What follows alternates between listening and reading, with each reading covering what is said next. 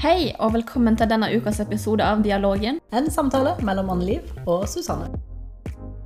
Vi setter vanvittig pris på alle dere som lytter. Det er så kjekt å få tilbakemeldinger og hint og tips og triks og diverse. Eh, ris og ros. Vanvittig glad for alle tilbakemeldinger vi får. Følg oss veldig gjerne på Instagram under Dialogen podkast, og del veldig gjerne med de dere kjenner.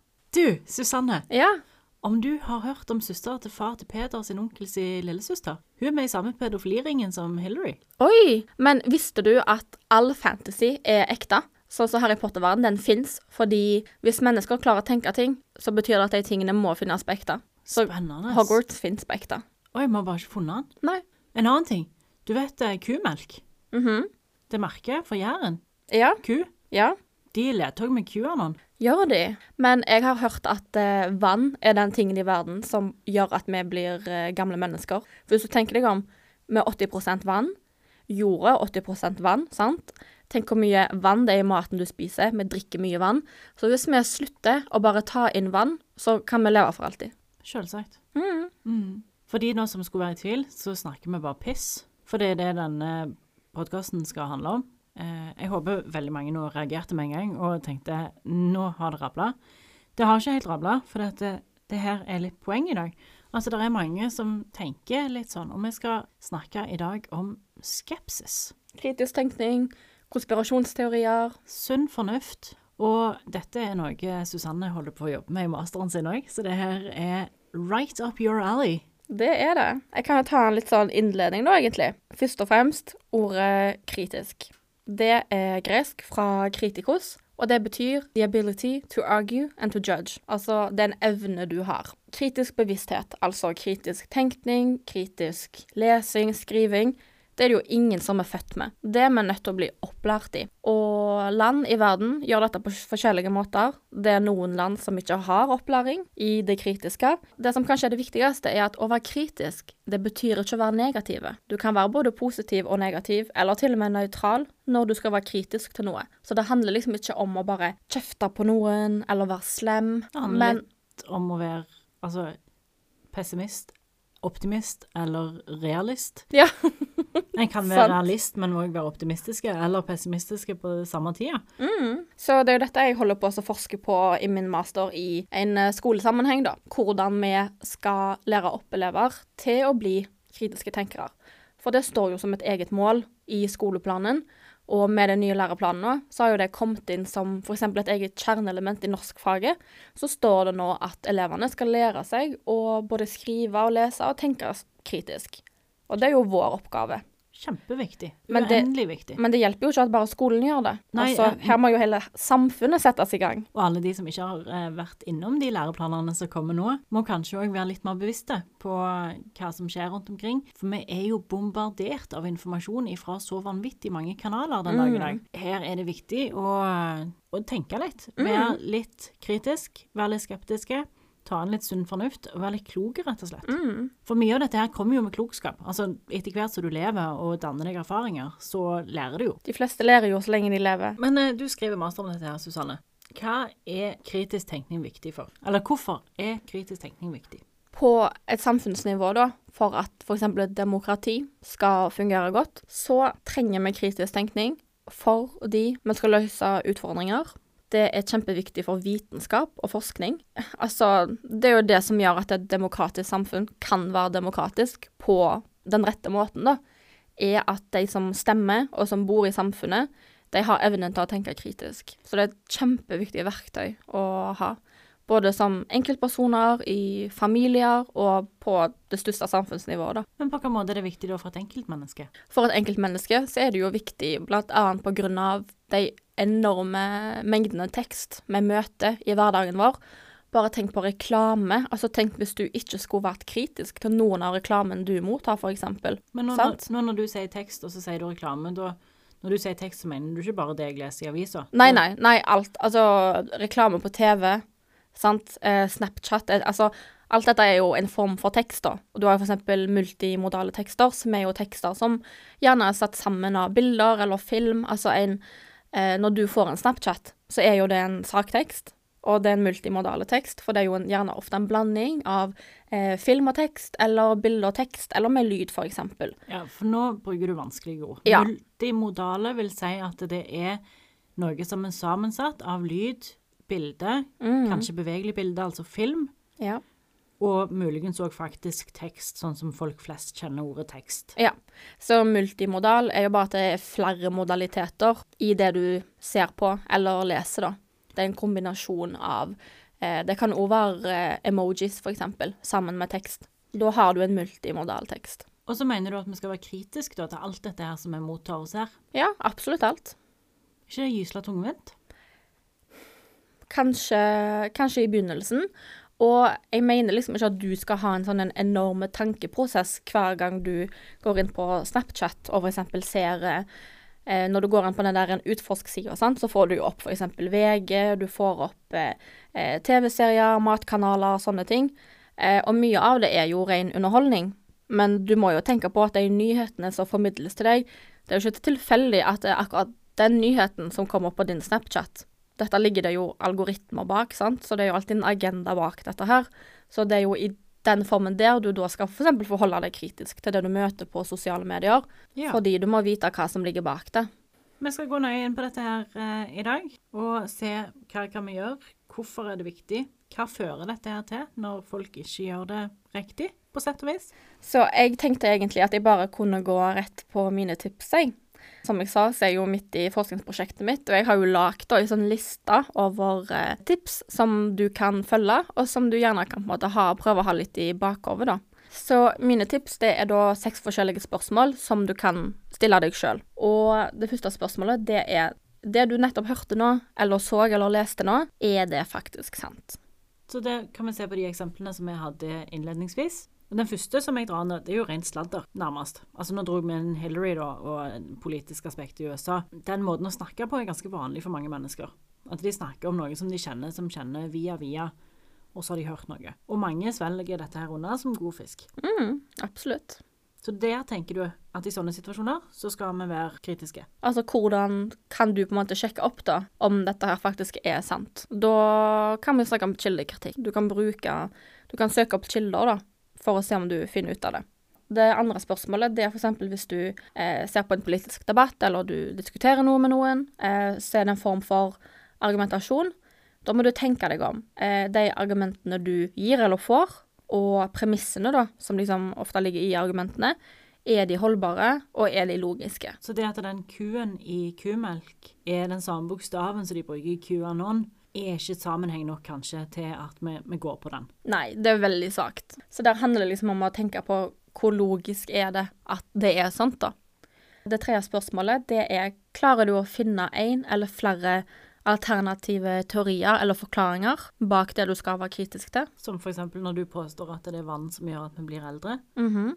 Så kan en se på aldringsprosess i celler, og så finner en en ganske god forklaring der. Og så tenker en at mulig at den er hakket bedre Ja.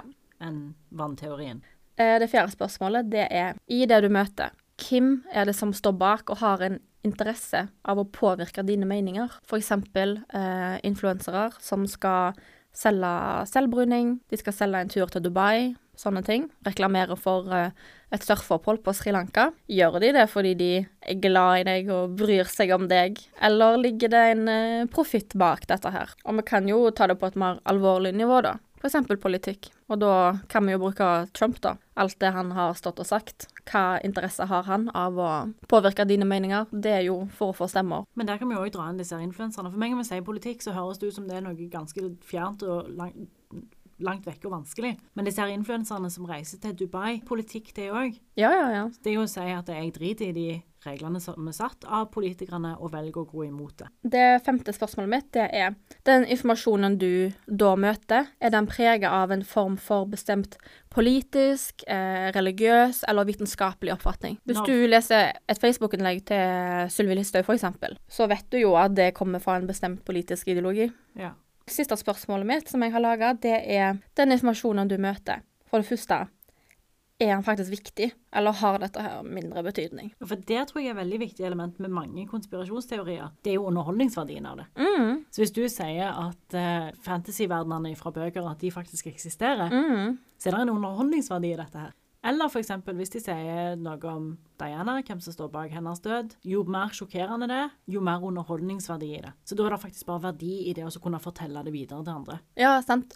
Uansett hva type tekst du møter, og da snakker jeg om tekst i det store perspektivet som vi diskuterte i stad. En tekst kan godt være en Snapchat.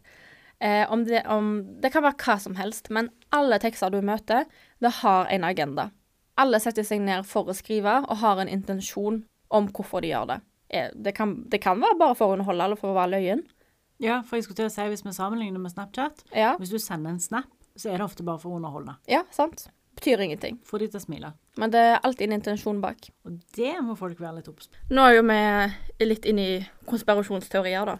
Jeg er jo veldig fascinert av det, og det vet jeg du òg er. Men kan du forklare, hva er egentlig en konspirasjonsteori for noe? En konspirasjonsteori er en forklaringsmodell som går ut på at ting som er galt i verden, skyldes at mektige grupper i hemmelighet sammensverger seg for å fremme sin egen skjulte agenda. Illuminati er jo denne eviglange historien om at det finnes ei gruppe i samfunnet som står bak veldig mye, og når de går sammen, så har de veldig mye makt, og det er de som har fått til de største tingene fram gjennom.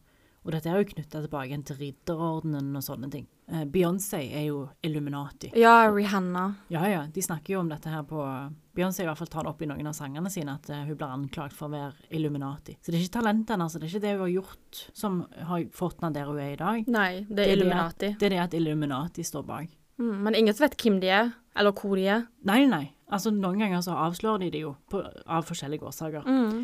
Men en konspirasjonsteori er en altså, nedsettende betegnelse, en negativ betegnelse, som brukes for å signalisere at forklaringa er behefta med logisk feil og problematisk omgang med fakta. Så når vi har en teori som forklarer noe som det ikke er gode logiske argumenter bak, da kaller vi det ofte for en konspirasjonsteori. Ja, så ordet sier seg sjøl at altså, dette er en teori hvor på en måte logikken er ikke Altså, det er ikke tydelig nok. Det er ikke, egentlig ikke hold i det. Det finnes ikke bevis for at dette her er sant. Stemmer.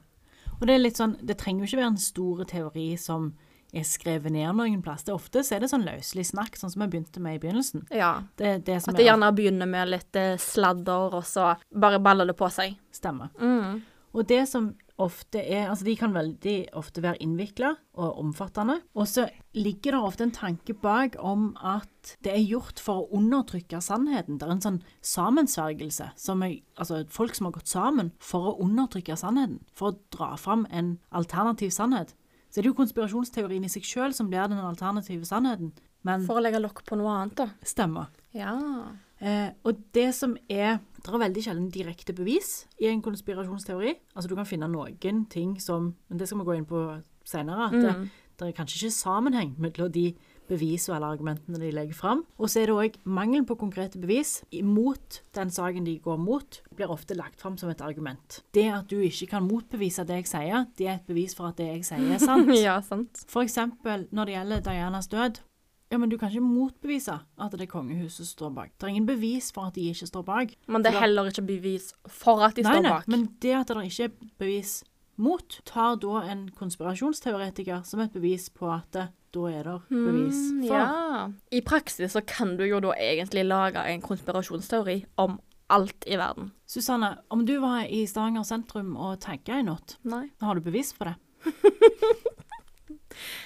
Nei, men jeg har et uh, Hva heter det? Ikke vitne, men jeg har uh, Alibi? alibi. Hva, hva er dette alibiet? Mamma. Ja, så, Mamma sov hos meg. ja, men sov ikke mor di? Hadde hun merka om du gikk ut midt på natta og tok med deg en spraykanne ned i Stavanger sentrum for å tagge? Sant vel. Nei, hun hadde nok ikke det. Så du har ikke bevis for at du ikke gjorde det? Hvorfor skal jeg da tro deg? Det var jo du som kom og anklagte meg for dette. Ja, og du nekter å legge fram bevis på at du ikke har gjort det, Susanne. Nei, men du ser hvor sykt, sant? Du kan ta hva som helst. Mm. Jeg har aldri sett deg med en spraykanne, så dette her var Ja, men vi har snakket litt om, om eh, Wink, wink. jeg har faktisk tagga, men uh, det er 20 år siden, så Ja, sant. Så eh, nå, nå støtter du ikke saken din. Ser du at det nå Det, det blir som, Ja, det blir som den der episoden der du begynte å dra en alkohol i klasserommet. Ja. Sant? Mhm. Her har vi ei fjør, så kan han fort bli til ti høns. ja. Og det er en konspirasjonsteori. Du kan ikke motbevise det jeg sier, Ergo ligger det en teori der. En konspirasjonsteori. Mm. Ja, det, altså, det gir jo mening. Ja. Men hvorfor lager folk Altså, hva er verdien bak en konspirasjonsteori? Det er jo sånn som du sa, at det er jo gjerne for å skjule noe annet. Så finner de på noe for å liksom ta vekk fokus. Men er det Altså, underhold, nå tenker jeg på underholdning, jeg. Ja, for ofte er det jo bare nærmest underholdningsverdi. Ja. Ellers er det for å, å svekke etosen til noen andre. Eller så har du de som sendte spørsmålstegn med måneland, månelandinga. At det er kun gjort for at det amerikanske folk skal ha tro på sin regjering, Mhm. og at regjeringa har klart å sende folk opp til månen. Og at de da dermed styrker sin etos Ja. via den Så konspirasjonsteorien. dermed så vil, mener folk at nei, nei, regjeringa i USA de får ikke til noen ting. De er bare ute etter å styre og ødelegge livet til folk som ikke vil ha et sentralt styre. Ergo så dikter de opp sånne ting som at de har vært på månen. Jeg er så enormt fascinert av konspirasjonsteorier. Altså En av de som jeg husker best, er jo, er jo 9-11. Det Ja. skjedde mens jeg gikk på videregående, og da er du igjen Ja, Susanne, så gammel er jeg. Det skjedde mens jeg gikk på videregående. Og det er mange argumenter der som er veldig overbevisende. Og det at det var George W. Bush som satt som president i USA, gjorde jo ikke saken veldig mye lettere. Og heller ikke at eh, Osama bin Laden og Bush eh, hadde en lunsj sammen samme dag som 9-11 skjedde. Altså Hele bin Laden-familien har jo eh, Sterke, sterke hadde sterke bånd til til, USA. og Bush spesielt. Ja. Men, men jeg ser jo etter hvert at det, sant, her er det mangelen på bevis i andre retningen som gjør at folk legger fram disse teoriene. Men så var det mistenksomt at bygget falt på den måten, og så var det, det mistenksomt. Og så var det en som hadde eh, åpna starta en forsikring dagen før som Ja. Altså, her er mange sånne småting og små historier som Mm. bygger opp til noe større. Men da, folk leter jo da etter, og det skal vi komme tilbake til, at du leter etter bevis på det du tror på sjøl. Ja, sant, så du ser jo bare etter spesifikke ting, og ignorerer jo gjerne andre logiske premisser, da, sant? Ja. Fordi du, du er så opptatt av at eh, du skal finne en bestemt vinkling, da, på eksempel 9-11. Og så er det jo konspirasjonsteorier er- finnes det jo nå om alt. Du har at eh, Diana dør, at det var kongefamilien som sto bak, fordi at de ville ha henne vekk, sånn at eh, Charles kunne gifte seg med Camilla. Og så har vi Elvis lever fremdeles. Ja. Det dukker opp bilder av han til stadighet. Hitler i Sør-Amerika. Stemmer. Eller på månen. Var Å, er på månen nå, ja. Hitler har gjemt seg på månen, er det noen som sier. Ute og reiser han. Godt sagt. Det er Argentina-månen. Det er Ja. ja. Og for eksempel Steve Jobs er det jo eh, lagt ut bilder som er tatt nå, hvor han er i Egypt eller noe sånt. Han står dobbeltgjenger, eh, men folk som mener at han, eh, han aldri dør. Og det som interesserer meg, for dette var jo i min tenåringsfase, da, hun der Avril Lavigne, ja. det er jo en enorm konspirasjonsteori rundt hun om at hun er død, og at den Avril Lavigne som vi ser i dag Altså, hun er ikke så mye offentlig lenger i dag, da, med musikk og rampelys og alt dette her. Så har folk klart å liksom peke på ting som gjør at du ser at hun har endra på ting som er vanskelig å endre på, da. ja Så der er det sånn teori om at det har skjedd noe med hun, og at de bare har satt inn en klone eller en replacement, da. Fantastisk. ja, det er helt sykt. Det, men det er så mye, fantastisk mye som folk gidder å, å begynne å, å se på. Altså, først og fremst er vel dette her kanskje et tegn på at du har litt lite å gjøre på. Ja, men det, det er jo folk som eh, er overbevist om at jorda er flat. Ja, og første gang jeg ble presentert med dette, så ble jeg, satt jeg litt målløs tilbake igjen. På sparket så hadde jeg ikke veldig mange argumenter for Jo, men visst kan jeg bevise at jorda er rund. Alle de kildene som jeg da pekte tilbake på, på NASA og liksom Galileo Galilei nærmere, så mm. har du bevis på det? Er du sikker på det? Hvordan kan du være sikker på at det Galileo Galilei sa var sant? Det var jo bare en teori. Kan du være trygg på at NASA sine bilder av, av jorda faktisk er ekte? Eller er det amerikanerne igjen som prøver å styrke sin regjering og sitt styresett? Altså, som historielærer, da. De første sivilisasjonene, de visste at jorda var rund. Det skjønte de. Og det er faktisk ikke før på 1800-tallet at det oppstår konspirasjonsteorier eh, om at jorda er flat. Og da har du da Galileo Galilei, Copernicus, som nå skal motbevise det, sant? Ja, Så dette, bare- dette er bare en 200 år gammel eh, konspirasjonsteori. For eksempel vikingene visste at jorda ja, var rund. Kirka har jo lenge sagt at jorda var flat. Ja, ja, ja. Ja. For kirka skal ha makt over folk. Ja, så da, vi snakker da altså det vet jeg ikke om vi skal kalle det for en konspirasjonsteori, men de sa jo både at jorda var sentrum av universet, og, Ja. at, eh, og at den var flat. Ja. Og det går jo lenger tilbake enn 200 år. Fantastisk. Mhm. Så de begynte allerede Men du skal jo tilbake til middelalderen for å se hvordan da kirka, som har makt over mennesker på eh, de aller fleste områdene i privatlivet til folk, så har kirka makt, og de kan ta mer makt med å fortelle folk om hvordan verden fungerer fysisk, og på et mer guddommelig plan, da. Det er helt herlig. Det er For kirka skal styrke sin etos, sant? Selvfølgelig. Mm. Men hva var denne her eh, konspirasjonsteorien som du presenterer til elevene dine? Jo, ehm, det er da Eurabia, som er en skummel og farlig konspirasjonsteori. Den går da ut på at ehm, de europeiske elitene, eksempel de som sitter høyt oppe i politiske systemer, akad akademiske Vi snakker om regjeringer. Ja, Macron, Sant? Merkel Ja. Ja. ja. De eh, konspirerer med arabiske land for å bevisst øke muslimsk innvandring til Europa, hvor målet er å gjøre hele Europa til det de kaller for en islamsk koloni.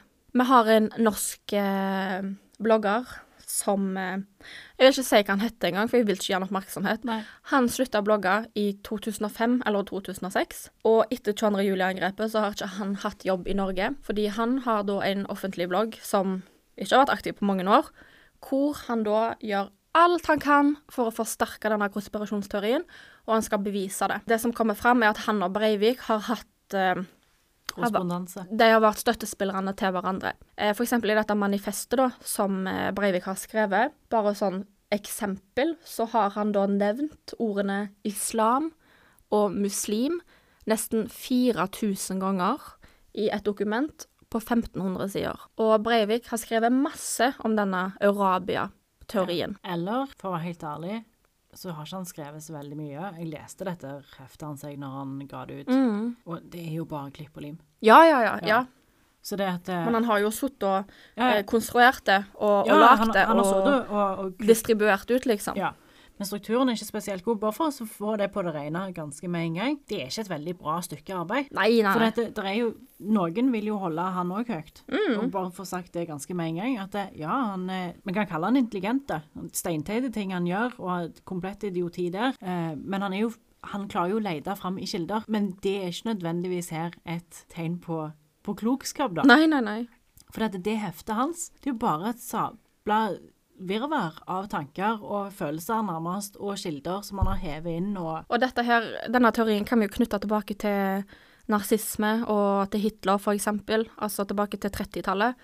Og det som på en måte går igjen, da, er at liksom eh, Breivik skrev jo i Norge, så er det sånn at eh, forskjellige nyhetsbyråer eh, og politiske partier og altså media generelt Det er helt hull i hodet, det som du sier. Men han er, problemet er jo at han er farlig. Og Ja, ja. det er akkurat det samme teorigrunnlaget, det samme teorigrunnlaget som blir brukt i Eurabia-konspirasjonsteorien, som òg ble brukt av Hitler før andre verdenskrig, og som han brukte som argumentasjon for å kvitte seg med jødene. Derfor er det livsfarlig, det er kjempeskummelt at folk kan gå rundt og tro på sånn. Og selv om Breivik har gjort klipp og lim i manifestet sitt, så den oppmerksomheten gjør jo at flere folk har lest det. Og han skriver veldig mye om denne konspirasjonsteorien. Så det er jo kjempeskummelt i seg sjøl å på en måte spre sånne tanker, da. Ja. Og ideer om at det er greia. Og i Norge, da, så er det Arbeiderpartiet som får gjennomgå. Stoltenberg og Støre. Ja, det er jo AUF han gikk etter. Så det er jo typisk og naturlig at det er de som får høre det. Men ja, eh, det er et manifest. Det er ikke vits i å lese det. Jeg har gjort det for dere. Hvis dere har noen spørsmål, så er det bare å spørre. Men eh, det er en, et sammensurium av teorier og tanker og følelser. Da lurer egentlig jeg på, kan vi si at konspirasjonsteorier det er en form for kritisk tenkning som går gale? At du tenker kritisk, men du gjør det på feil måte? Ja, altså, det er viktig å være kritiske, og en skal være skeptisk til ting. Men det er veldig lett å være kritiske og skeptiske. Og vi skal jo ikke være kritiske og skeptiske til absolutt alt hele veien. Men noen ting må vi ta som sannheter. Og folk som kan mer enn oss, som vet mer enn oss, må vi faktisk bøye oss for og si at ja, her, dette kan jeg ikke noe om. Jeg tror på deg. Tror du på noen konspirasjonsteorier? Jeg tror ikke det. Jeg kommer ikke på noe vi satt og tenkte litt forskjellig nå. og, og de tingene som vi kan på en måte innrømme at vi tror på, er jo ikke ting som går imot noen andre. Det er ikke for å sverte noen, det er ikke for å justere ned noen andre, eller Nei. Nei, for eksempel, jeg tror jo på evolusjonsteorien. Men det er jo ikke en konspirasjonsteori, det. Nei, det er jo ikke det. Men det er jo fortsatt bare en teori. Men du velger jo sjøl om du vil tro på den eller ikke. Ja, men når det gjelder sånne store verdensomfattende ting, eller ting som går på universet, og ting som går Mm, på Big Bang. Ja, det er jo fremdeles teorier, men det er jo det nærmeste vi har. Altså, de beviser som vi har, peker i retning av at det er det som skjer. På det grunnlaget så må vi si at OK, dette er er det nærmeste vi har en sannhet. Det er jo som hvis jeg sier at ok, nå holder jeg, nå holder jeg en ball her i hånda. Hvis jeg slipper den, så ramler den til bakken. Og dette må vi ta for en, en sannhet. Vi vet at den ballen vil treffe bakken hver eneste gang, med mindre noen kommer og gjør at han ikke gjør det. Noen kommentarer, de legger noe unna sånn at han treffer det istedenfor. Sånn. Det høres ut som Immanuel Kant. Ja, ja, nå, nå snakker vi filosofi her på høyt nivå. Det er jo enkelte ting som, som det ikke er vits i å, å kritisere eller sette spørsmålstegn ved. Hvis jeg holder en ball, og så slipper jeg den, så vil den ramle til bakken. Mm. Ja. Med mindre noen stopper deg. På grunn av Stoppe ballen.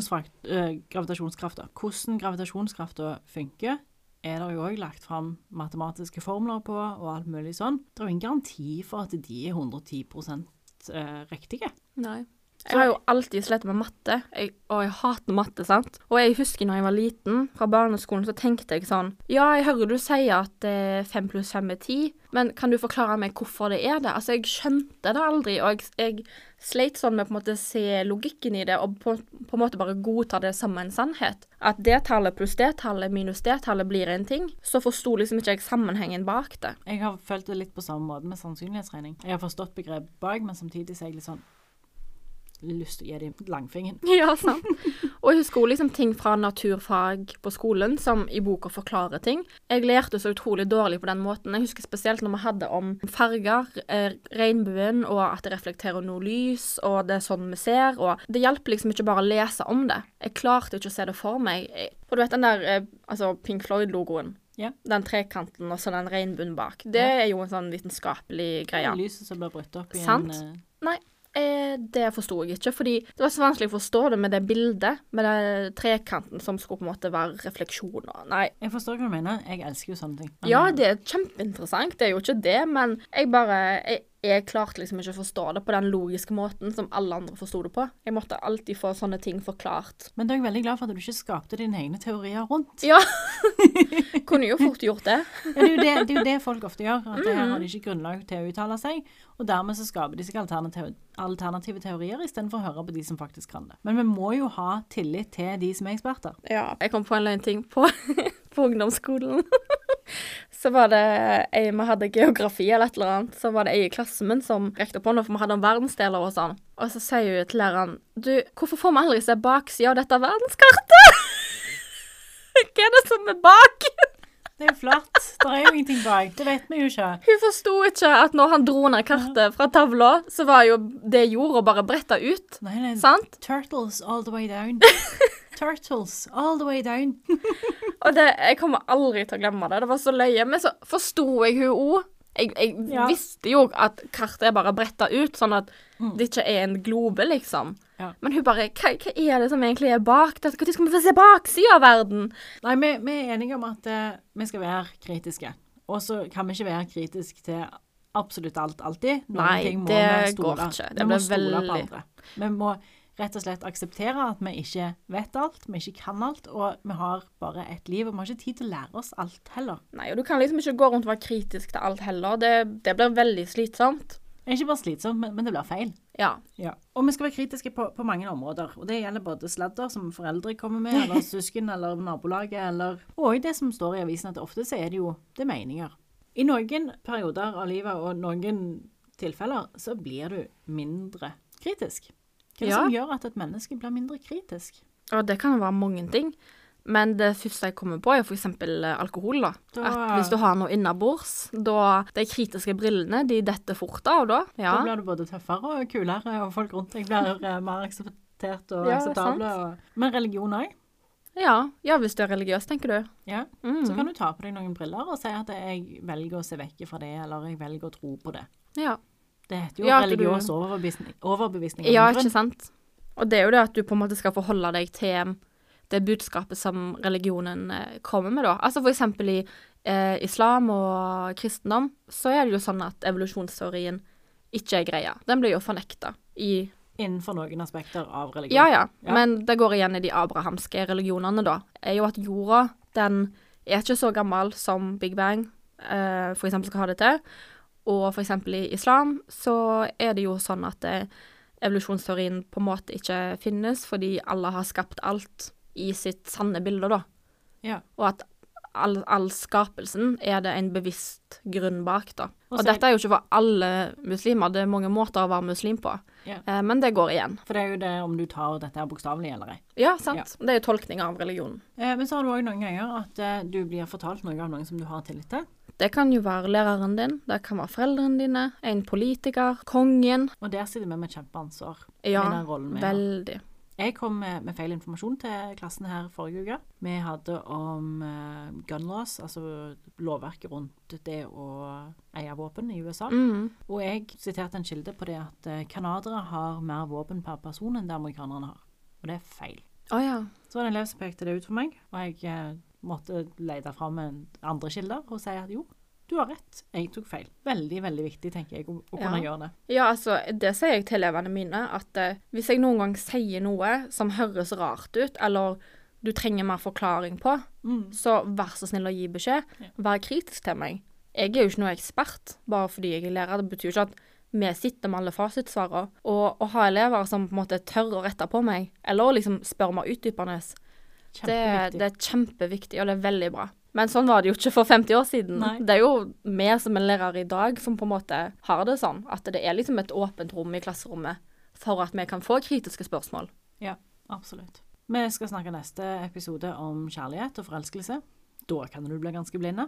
Det er jo definitivt en sånn ting. Når du er forelska, så er ting bak ofte litt sånn blurra, og Ja. du slutter liksom å legge merke til Tunnelsyn. Du legger merke til det, Tunnelsyn, ja. Ja. du legger merke til det du vil. De ultimate ølbrillene. ja. Men så har vi noe som heter confirmation bias, og det er hvis du har en teori om noe, Mm. så vil du ofte finne informasjon som verifiserer, altså som sier at den teorien du har, er rett. Ja, bekrefter Og så finner du òg informasjon som sier at eh, det motsatte synet, det er feil. Altså noe som falsifiserer det. Ja, det er jo bare å gå inn på Kvinneguiden, det. Det er Derfor så kan jeg spise mørk sjokolade hver dag, Ja. for det er jo sunt for meg. Og jeg kan ta meg et glass rødvin hver kveld. Ja, ja, og så bare ignorerer vi de negative aspektene ved det, for vi velger å tro på de mer positive aspektene. Jeg vet om ei som er over 100 år, og hun sier det er tre ting. Ingen mannfolk, blåbær og rødvin. Ja, og da har du altså en privat anekdote på dette her, som du velger å ilegge mye, mye makt. Sant? For det er òg noe at eh, du vet at er folk som Altså kvinnfolk som da har en mann, lever ikke nødvendigvis kortere. Og statistikken vil kunne si at eh, du lever like lenge om du har en mann, som om du ikke har en mann. Mm. Men du har en personlig anekdote som du òg da legger mer vekt på. Så nå har vi snakket om noen eksempler da, hvor du gjerne ikke er like kritisk som du kanskje er i andre sammenhenger. Men hva er noen ting som vi på en måte skal være kritiske til? Alle sannheter som blir tredd ned over hodet på deg, som det ikke er en forklaring på, tenker jeg det er lov å være skeptiske til. Og så opp på sånne større nivå, da. Eksempel på samfunnsnivå. En regjering, eller til militæret, eller til eksempel kirka. Med en gang styresmakter nekter å ta imot kritikk, eller nekter å høre på argumenter, da syns vi ting begynner å bli skummelt. Husker du når Trump ble satt inn som president, Ja. og pressetalspersonen etterpå gikk ut og sa dette er den mest besøkte innsettelsesfesten vi noensinne har sett i USA. Og han avslutta det med det vanvittig gode argumentet period, sa han. This is the most visited inauguration in all of history. Period. Og da var den diskusjonen ferdig. ja, for da avslutta jo han det. Ja.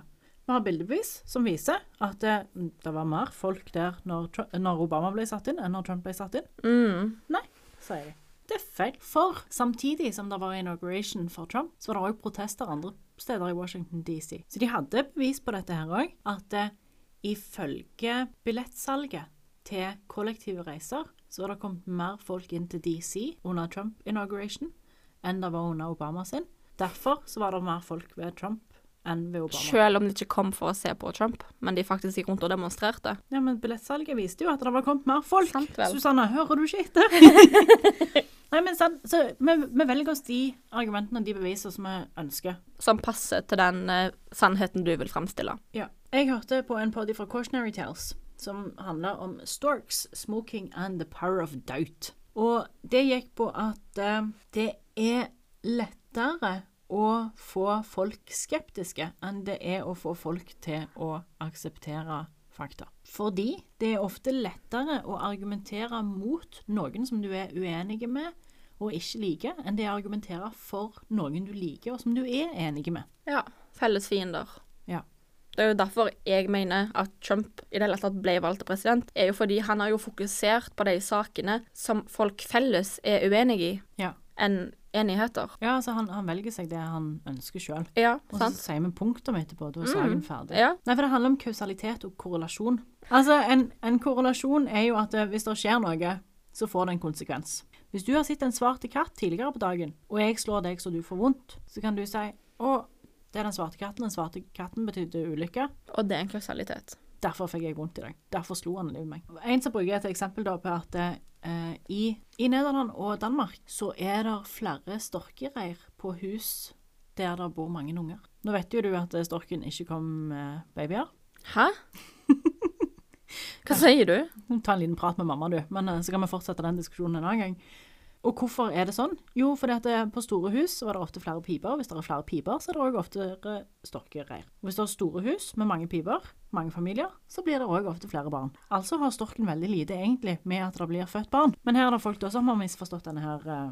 Det som er, er at det er, det er lettere å få folk til å tvile enn det er å få folk til å tro. Ofte når det gjaldt dette med røyking, når det ble funnet ut at det var faktisk ganske skadelig på lunger og diverse, så var det en som da istedenfor å argumentere imot, så begynte han å så tvil om faktaene som ble lagt fram. Å Kan vi være sikre på dette her? ja. Fordi at dette her med, med storker, der er det ikke sammenheng. Selv om det ser ut som en sammenheng, så er det ikke en sammenheng. Det at røykere ofte får lungekreft, det ser ut som en sammenheng, men vet vi egentlig at det er det? Ja. Der har vi da grunnlaget ofte til en konspirasjonsteori. Nå forklarte du egentlig noe som eh, ga veldig mening. Nå ble på en måte ting satt i sammenheng. Så bra. Mm. Og så har vi også dette med Dunning-Kruger, som vi har snakket om tidligere. Det å ha tro på at en sjøl kan mer enn det en faktisk kan, er òg kjempefarlig. Jeg er så smart at eh, jeg forstår ting bedre enn ekspertene. Så selv om de har forklart det på en grei måte, og nei, sånn som du da med naturfagen Hvis du da hadde tenkt Men jeg er jo egentlig dritsmart. At dette her ikke gir mening til meg, det må jo bety at det er feil. Jeg kan komme opp med en teori som er bedre. Dunning-Kruger. Det var det en som gjorde. Han sa at eh, sola ikke var ei stjerne, fordi den så ikke ut som ei stjerne. Kjempelurt, sant? Og så sier læreren ja, men det er jo bare det at denne stjerna er veldig mye nærmere jorda enn alle de andre stjernene på himmelen. Ja. Nei, sola er en planet. Ja. For sola ser like ut som månen, og månen er en planet. Derfor må sola være en planet, og sola det var ikke ei stjerne. Og han, han nekta å gi seg. Erasmus Montanus. Sant? Vet du hva vi har glemt i dag? Nei. Vet du hva vi har glemt? Jeg vet du har gleda deg til dette her hele veien mens vi har snakka. Montagne! Montagne han er av den skolen som mener at du blir aldri utlært. Du har ikke komplett kunnskap. Han var jo en ekspert på vennskap, det sa han jo, men eh, han var ganske ydmyk allikevel. Han sa at jeg kan ikke vite alt som er å vite. Veldig ydmyk overfor resten. Og litt den der samme skolen som at eh, jeg vet nok til at jeg vet veldig lite. det var lurt å si. Og den er viktig. Det, nei, det var ikke Montaigne som skrev det, men det er det noen andre som har sagt. Men han, han var òg innenfor den samme skolen når det kom til filosofer. Og det som er litt spennende, som jeg leste nå eh, i Morgenbladet denne uka, er at eh, QAnon er basert litt på gamingteori. Q, som i QAnon, Mm. starta med en som kalte seg for Q, som kom med en ledetråd. Et hint om at noe skulle skje. Litt sånn kryptisk. L veldig kryptisk. Og så ga han det videre til folk, og så begynte de å lete etter tegn på at det han sa var sant, og så klarte de å finne det, og dermed så var dette her på en måte i gang. Så får du en ny ledetråd, og så skal du lete videre. Og derfor så endte de plutselig opp på en pizzaplass i USA og skulle skyte Hillary fordi at hun skulle spise spedbarn på den. og- Sant? Og det er en veldig interessant tanke at det, på den samme måten som du bygger opp et dataspill, at du gir hint og du gir tegn som du skal fylle, som du skal lete etter, så har han på en måte Eller hun, vi vet jo ikke hvem Q er, Nei. har gitt disse her hintene. og... og nå er det jo litt sånn desperasjon i disse miljøene, for en forventer litt at eh, Q skulle komme fram nå når eh, de siste teoriene og sånn ikke kom til live, eller ble sanne. For de forventa jo at det skulle skje noe stort, at Biden ikke kom til å bli satt inn. For Q har sagt det, og Trump har sagt det nærmest. Men så er det ingen som har stått fram. Det er ingen som har tatt imot æra for å ha spilt spillet. Et eksempel da som de brukte i denne her artikkelen, var en som hadde lagd til et slags escape room for noen venner i ekte, altså i real life. Da hadde han hevet en gjeng kompiser ned i en kjeller, og der nede så hadde han gjemt en ting som lå egentlig veldig åpenbart, som han tenkte at den, den kommer de til å finne. Han hadde én målvarp i denne her gruppa, så hun visste hva de så etter. Men det disse fant, at istedenfor å lete etter denne her tingen, så fant de noen fliser på gulvet som sto i en trikant. Og da regnet de med at dette det måtte være en pil, og den pilen den pekte på veggen. Og så var de liksom centimeter fra å begynne å hogge ned veggen for å lete etter det clouet.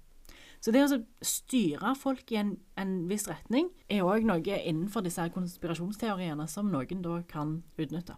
Ja, for det ligger jo, som jeg sa i begynnelsen, uansett om det er konspirasjonsteori som skal være for underholdning, så er det jo alltid en slags agenda bak det. Det er alltid en agenda bak. Noen ganger bare for å underholde, noen ganger for at folk skal demonstrere sin makt, men det er det vi må være obs på. Vi må tenke kritisk. Hvorfor vil folk si dette her? Takk for praten. Takk for praten.